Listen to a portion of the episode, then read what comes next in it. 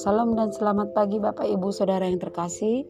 Sebelum memulai kegiatan kita sepanjang hari ini, mari kita meluangkan waktu sejenak untuk mendengarkan dan merenungkan firman Tuhan.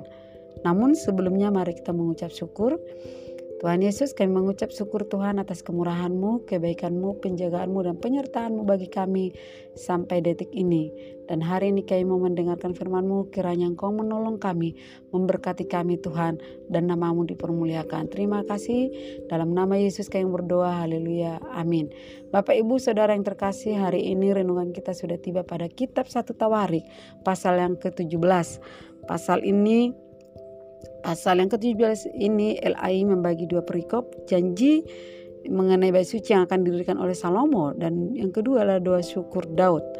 Bapak Ibu Saudara yang dikasih oleh Tuhan, Daud memiliki kerinduan untuk membangun bait Allah karena Daud melihat tabut Allah diam di bawah tenda, yaitu ada dalam ayat yang kedua. Lihatlah, aku ini diam dalam rumah dari kayu aras, padahal tabut Allah diam di bawah tenda. Saudara, setelah tabut Allah dibawa ke Yerusalem, Daud mulai memikirkan pembangunan suatu rumah yang megah bagi tabut Allah itu. Bait Allah, bait suci yang akan dipersembahkan kepada Allah Israel. Jika kita memahami apa yang dikatakan oleh Daud, tentu kita setuju bahwa alasan kerinduan Daud mendirikan rumah Tuhan adalah baik. Namun Tuhan menolaknya melalui Nabi Nathan sesuai dengan yang disampaikan oleh Tuhan. Mengapa Tuhan menolak? Alasannya yaitu karena Daud adalah sebagai seorang prajurit yang selalu berperang, dia sudah banyak mencurahkan darah orang lain. Itu ada dalam 1 Tawarik 22 ayat yang ke-8. Dan Allah ingin membangun bait suci adalah melalui keturunannya itu Salomo bukan dengan tangan Daud sendiri. Nah, Bapak Ibu Saudara yang kasih oleh Tuhan, bahwa dalam ayat yang ke-16 sampai ayat yang ke-27 bahwa ada doa ucapan syukur Daud kepada Tuhan melalui penolakan Tuhan yaitu untuk pembangunan rumah Tuhan yang akan dibangun oleh Daud. Nah, Daud seorang yang memiliki hati yang berlimpah ucapan syukur dan pujian kepada Tuhan. Ketika ia mendengar firman Tuhan yang disampaikan Nabi Nabi Nathan, Daud masuk ke dalam kemah dan ia duduk mengarahkan pandangannya kepada Tuhan. Daud merasakan kedekatan hubungan Tuhan dengan hubungan Tuhan dengan dirinya dan juga pada sederetan generasi dalam keluarganya yang masih jauh di depan. Bagi Daud, kelayakan dan kepercayaan Tuhan kepada dirinya dan keluarga membuat dia mengungkapkan isi hatinya, mengungkapkan mengungkapkan syukur dan permohonan peneguhan Tuhan dan berkat Tuhan. Nah, Bapak Ibu Saudara yang dikasih oleh Tuhan, di balik penolakan Tuhan untuk mendirikan bait suci, ada janji Tuhan yang jauh lebih besar dari apa yang dimohonkan. Walaupun permohonan Daud itu baik menurut rancangan pikirannya, ternyata ada rancangan Tuhan yang jauh lebih besar yang tak terjangkau pikiran Daud. Daud begitu sangat bersyukur ketika Tuhan menolak doanya. Apa janjinya Bapak Ibu? Yaitu rencana Tuhan yang besar bagi Daud ada di dalam ayat yang ke-17 dikatakan segala perkara yang besar yang telah kau lakukan bagi hambamu bahkan kau tambahi lagi dengan janji-janjimu ya yang indah ya Tuhan mengenai keturunan hambamu di masa yang akan datang bahwa kasih setia Tuhan tidak akan pernah berlalu dari hidup Daud sampai selamanya. Bagaimana Tuhan memilih Daud menjadi raja menyertainya dari menghadapi musuh-musuhnya, maka Tuhan juga tetap akan kasih setianya sampai pada keturunannya sampai selamanya.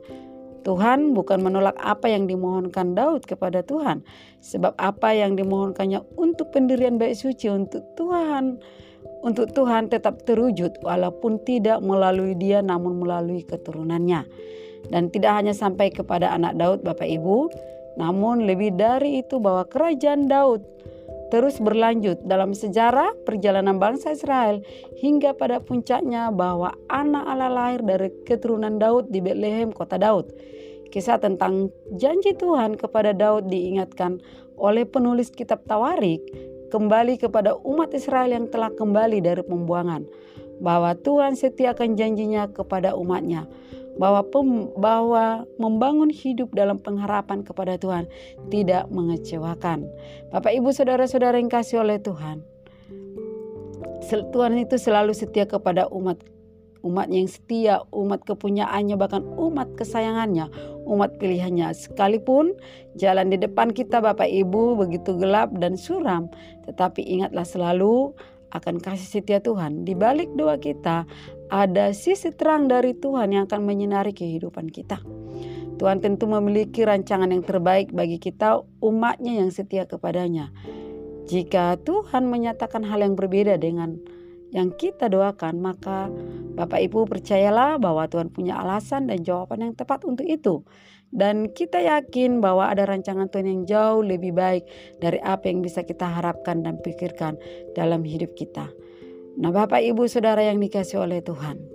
Perenungan kita dari ayat 16 sampai ayat yang ke-27 tentang doa syukur Daud sangat penting sekali Bapak Ibu bahwa betapa besarnya pengaruh orang pemimpin, pengaruh orang tua dalam kehidupan keluarga.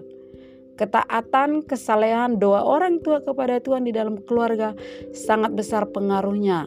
Itu sebabnya Bapak Ibu, lakukanlah perananmu dengan benar jika saudara sebagai pemimpin rumah tanggamu, sebagai pemimpin, sebagai kepala keluarga, maka janji Tuhan akan tergenapi dalam kehidupan Bapak Ibu apa yang saat ini kita doakan tentang kehidupan kita mungkin masih samar-samar kelihatan jawabannya. Tetapi yakinlah Bapak Ibu, Tuhan penuh dengan kasih setia, panjang sabar dan penuh pengampun. Hidup ini tidak hanya sebatas umur kita yang singkat ini. Masih ada keturunan kita selanjutnya, ada anak dan cucu kita yang akan mendapatkannya supaya suatu saat keturunan kita bisa berkata di doa ibuku, di doa ayahku namamu, namaku disebut. Nah Bapak Ibu Saudara yang kasih oleh Tuhan, mari kita belajar dari kepemimpinan Daud sebagai kepala keluarga.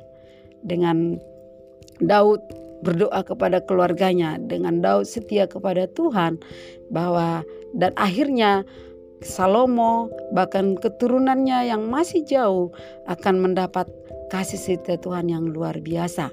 Mari Bapak Ibu Saudara yang kasih oleh Tuhan, dalam ayat yang ke-23 dikatakan doanya Daud, teguhkanlah untuk selama-lamanya seperti yang kau ucapkan itu, mengenai keluargaku dan lakukanlah seperti yang kau janjikan itu.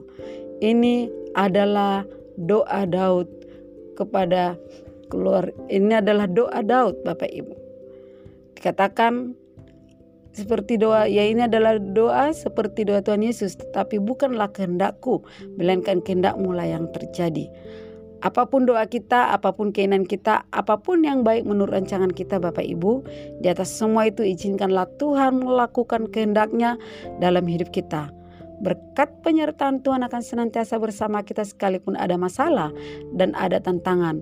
Dan tetaplah berdoa, mempercayakan hidup pada kuasa penyertaan Tuhan. Amin. Tuhan Yesus memberkati kita. Nah,